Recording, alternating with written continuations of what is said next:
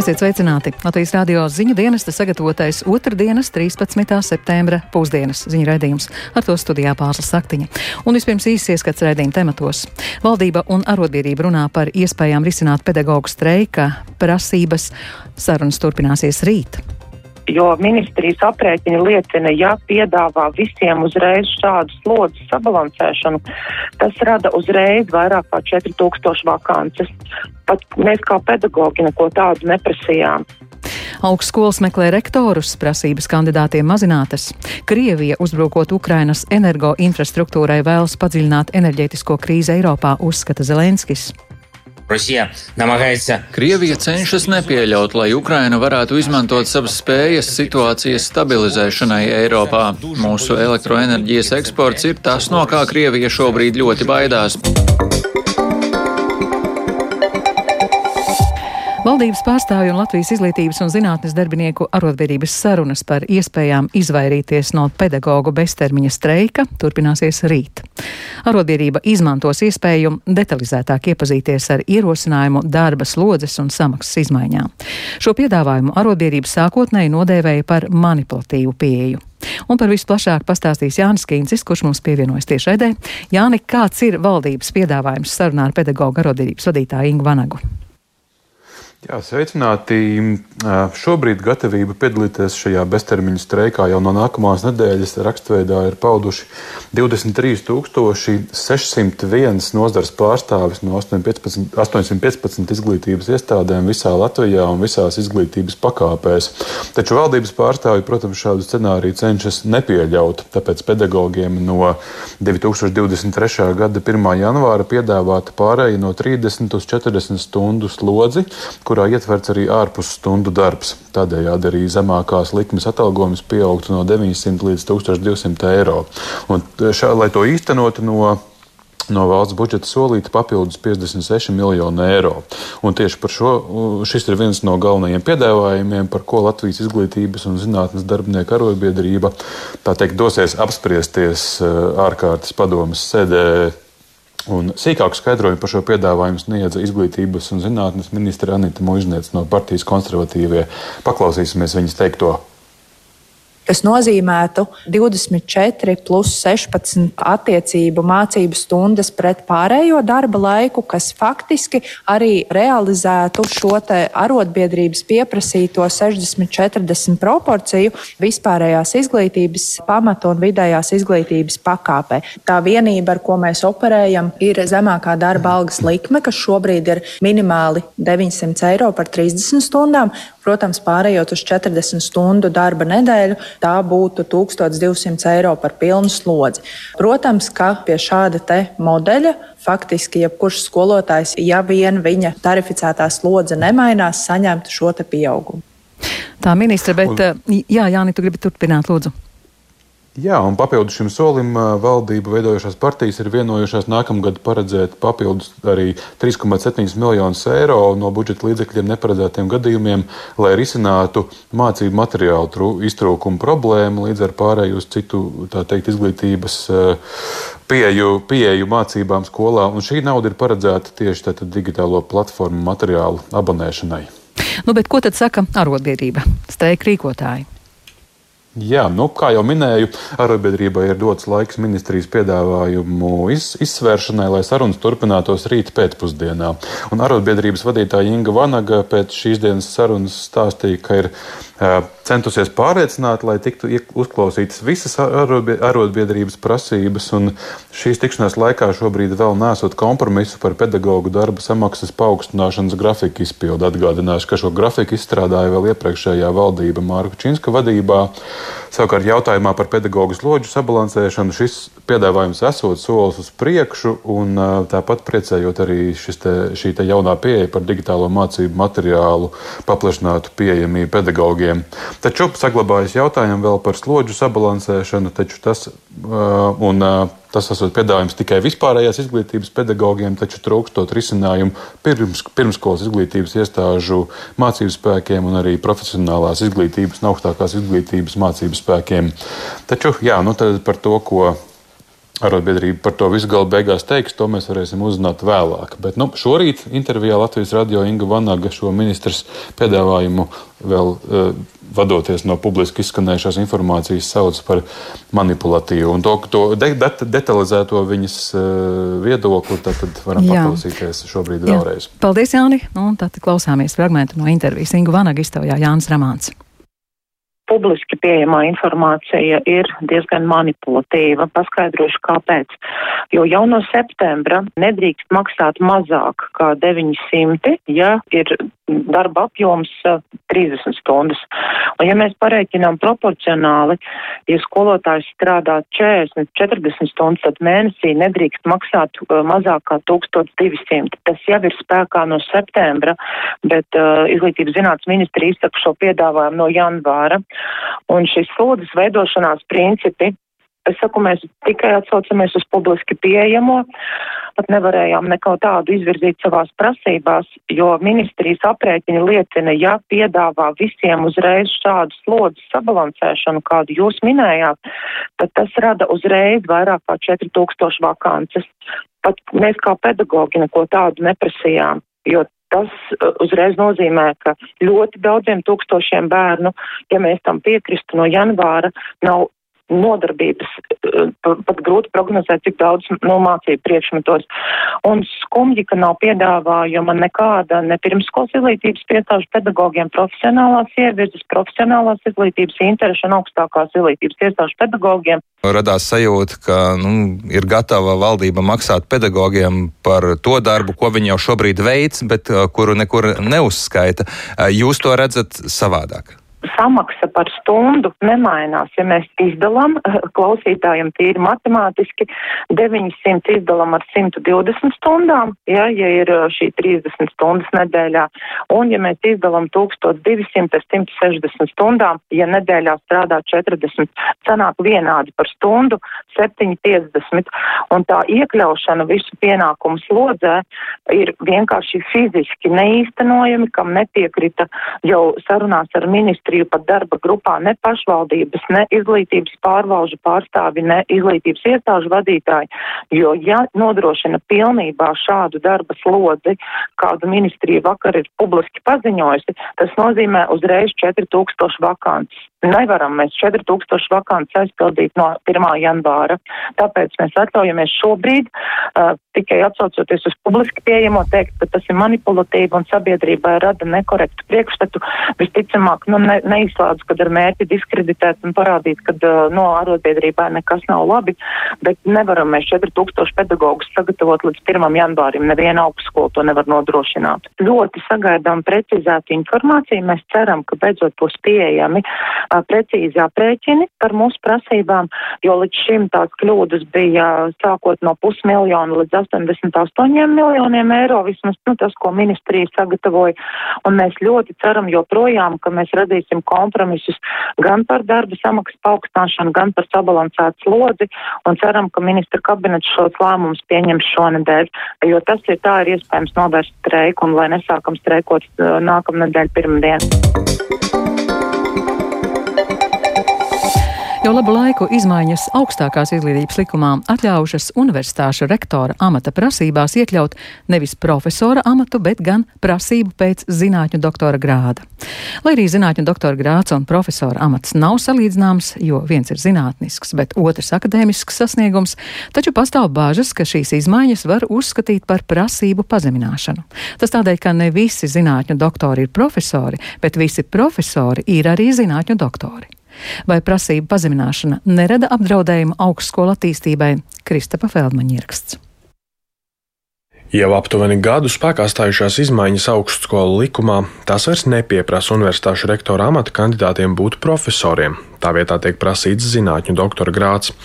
Izglītības un zinātnes ministrijas valsts sekretārs vietnieks, kā arī augstākās izglītības, zinātnes un inovāciju departamenta direktors Dimitrijs Stepanovs skaidro, izmaiņas balstītas lēmumā, ka rektoram ir jābūt ar nevainojamu reputāciju un ar augstiem sasniegumiem zinātniskajā darbā, taču akadēmiskais amats nav tik nozīmīgs.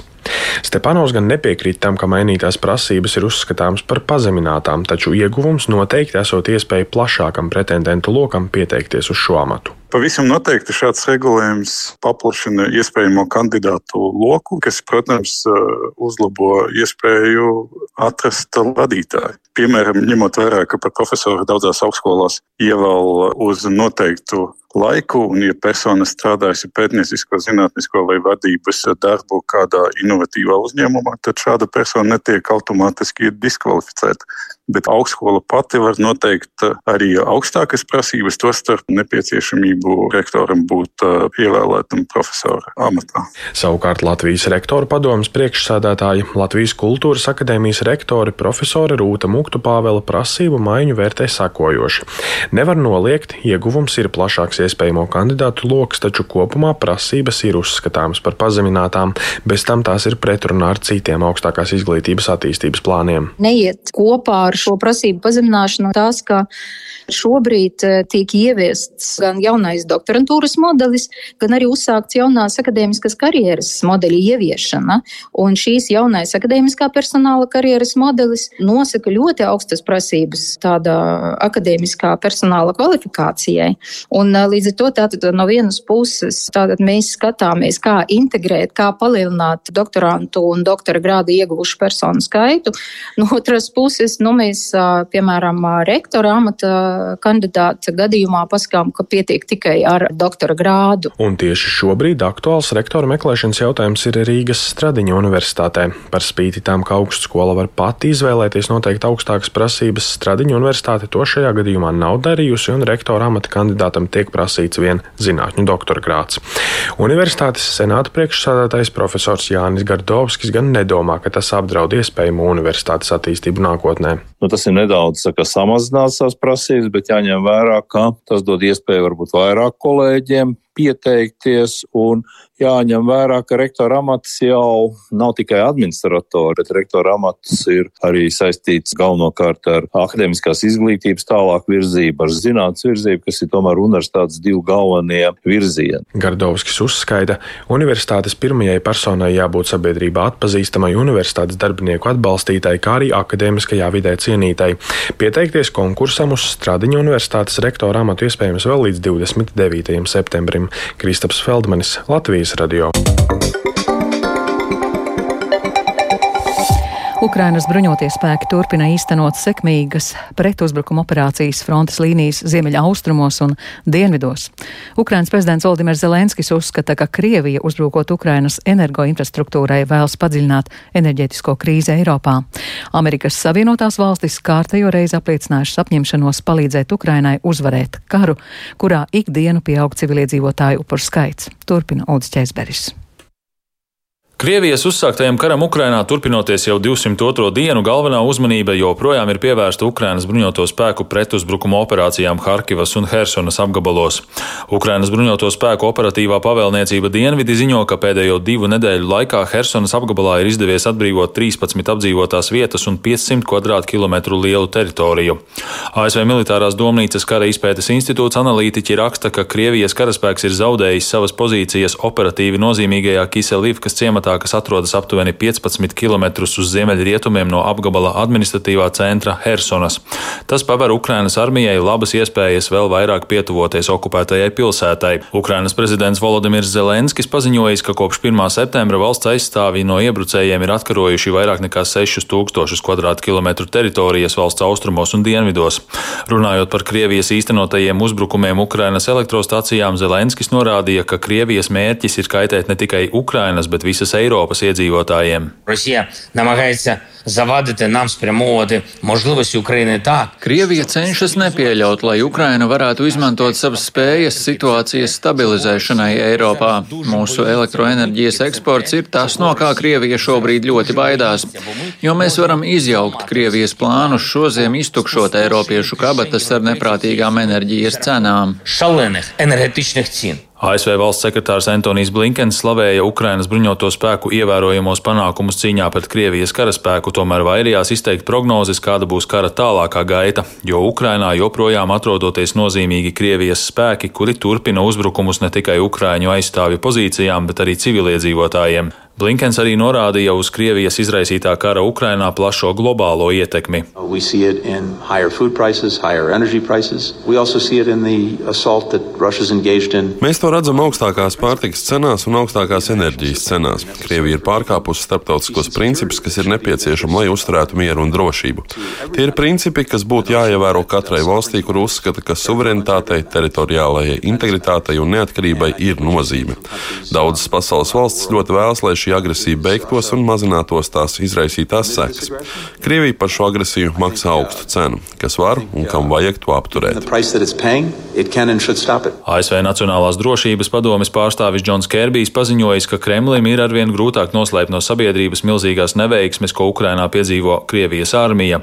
Viņš arī piebilda, ka ASV turpinās sniegt Ukrainai visu nepieciešamo palīdzību, lai tā spētu gūt militāros panākumus. Runājot par ieročiem, izdevums The Wall Street Journal raksta, ka Ukrainas valdība ir lūgusi ASV piešķirt taktiskās ballistiskās raķetes ar darbības rādījusu līdz 300 km.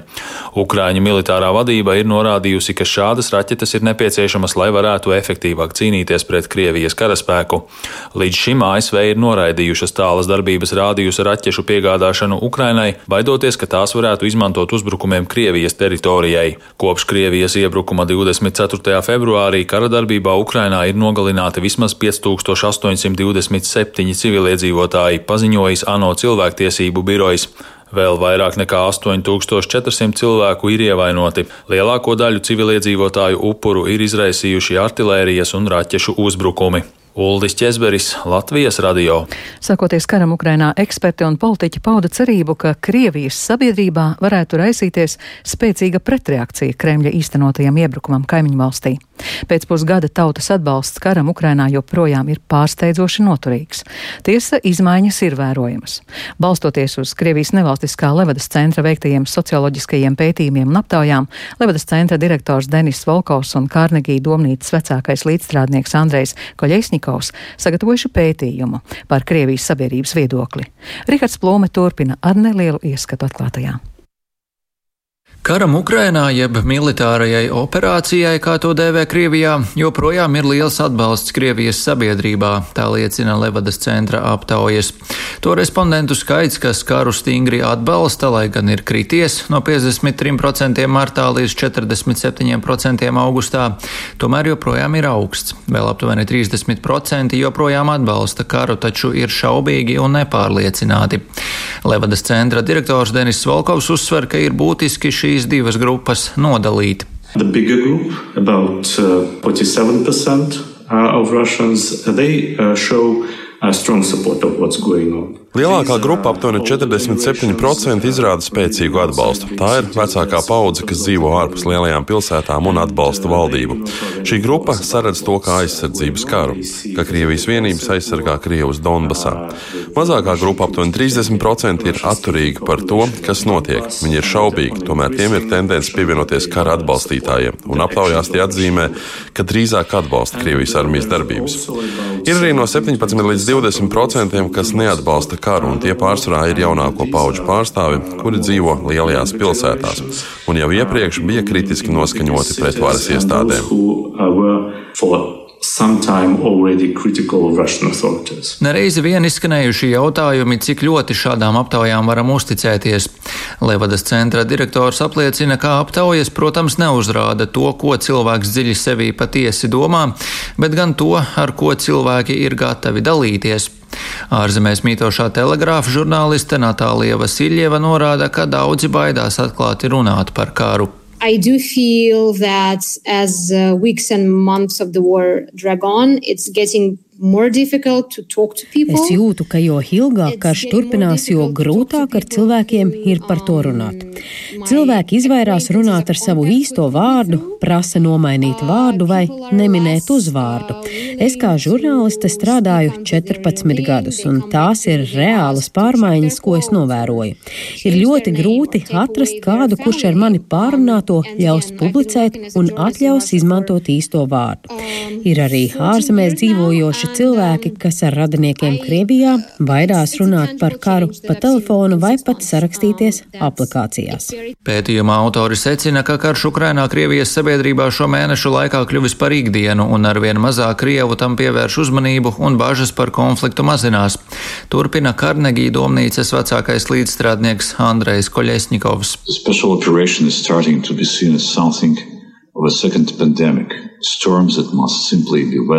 Speciālā operācija tiek uztverta par kaut ko līdzīgu otrajai pandēmijai, par vētru, kuru vienkārši ir jāpārdzīvo un pēc kuras viss atgriezīsies ierastajās sliedēs. Karš kļūst par ikdienu. No vienas puses cilvēki jau ir noguruši no kara un dotu priekšroku tā izbeigšanai ar uzvaru vienā vai otrā veidā. No otras puses tie ir gatavi ilgušam konfliktam un konfrontācijai ar rietumiem. Nešķiet, ka šis noskaņojums varētu varētu apdraudēt režīmu, tomēr neatbildēts jautājums ir, vai šo ainu varētu mainīt Krievijas sociāla-ekonomiskās problēmas. Šo problēmu pīķis gaidāms rudenī un 2023. gadā.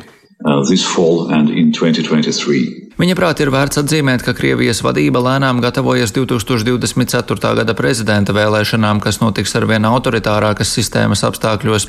Sagatavošanās vēlēšanām var ietvert paraugu prāvas un tā saukto nacionālo nodevēju meklēšanu. Koļesņikaus pieļauj, ka noteikti būs vēl lielāks spiediens uz citādi domājošiem, izmantojot virkni autoritāru instrumentu un represīvus likumus. Šāda taktika lielā mērā kalpo, lai biedētu Krievijas sabiedrību, kas galu galā varētu novest pie tā, ka sabiedrība sabiedrības daļas atkal pulcēsies ap režīmu.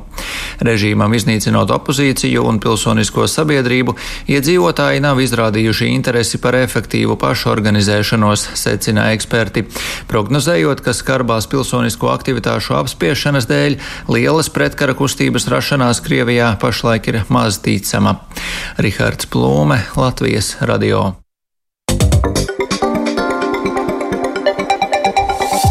Vai Latvijā viss līdz pavasarim nepieciešamais dabas gāzes apjoms pašlaik vēl nav iepirkts, taču saskaņā ar noslēgtajiem līgumiem to būs iespējams saņemt pakāpeniski. Tā intervijā Latvijas radio pastāstīja Latvenergo komercdirektors Dmitrijs Juskovets.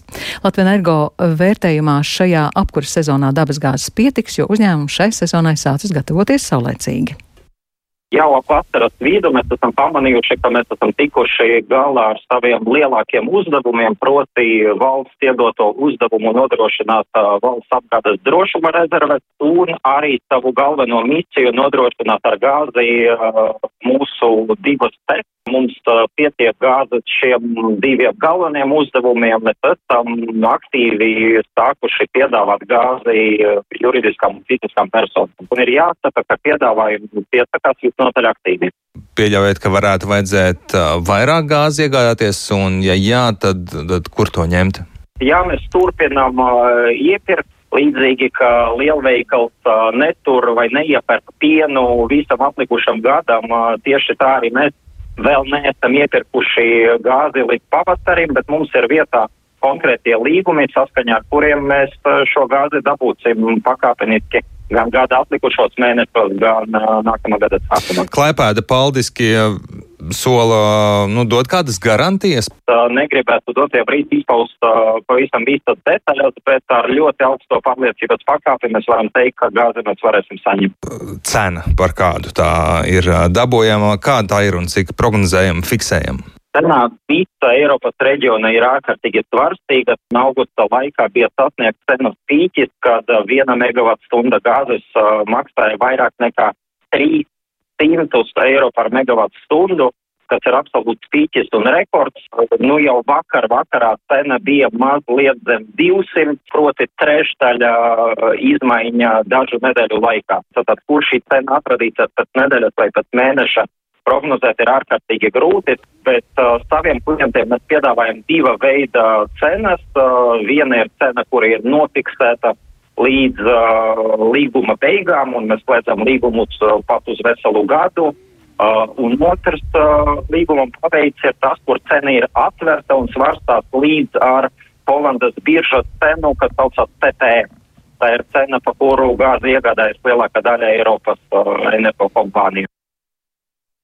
Tikmēr ģenerāla prokuratūra ir sākusi pārbaudi par dabasgāzes rezervju neizveidošanu saistīto lietotāju apgādē ar gāzi šai sezonā, proti par dabasgāzes publiskā tirgotāja Latvijas gāze rīcības atbilstību enerģētikas likuma prasībām.